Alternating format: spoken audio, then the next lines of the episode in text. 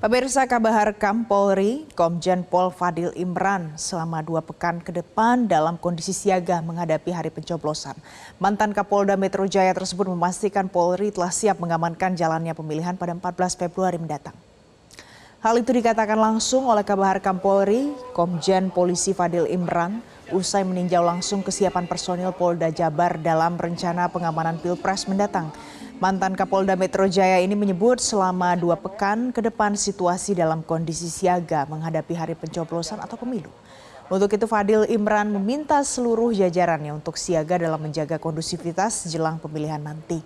Agar tahapan pemilu mulai dari masa kampanye, masa tenang, hingga hari pencoblosan berjalan aman dan lancar.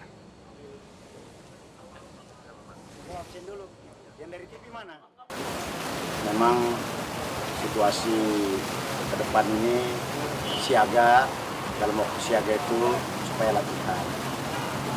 Yang ketiga Jawa Barat ini kan luas supaya bagaimana sistem backup supaya di uh, simulasikan dengan baik. Ya, tapi sampai hari ini kan relatif terkendali seluruh wilayah Jawa Barat. Jelajahi cara baru mendapatkan informasi. Download Metro TV Extend sekarang.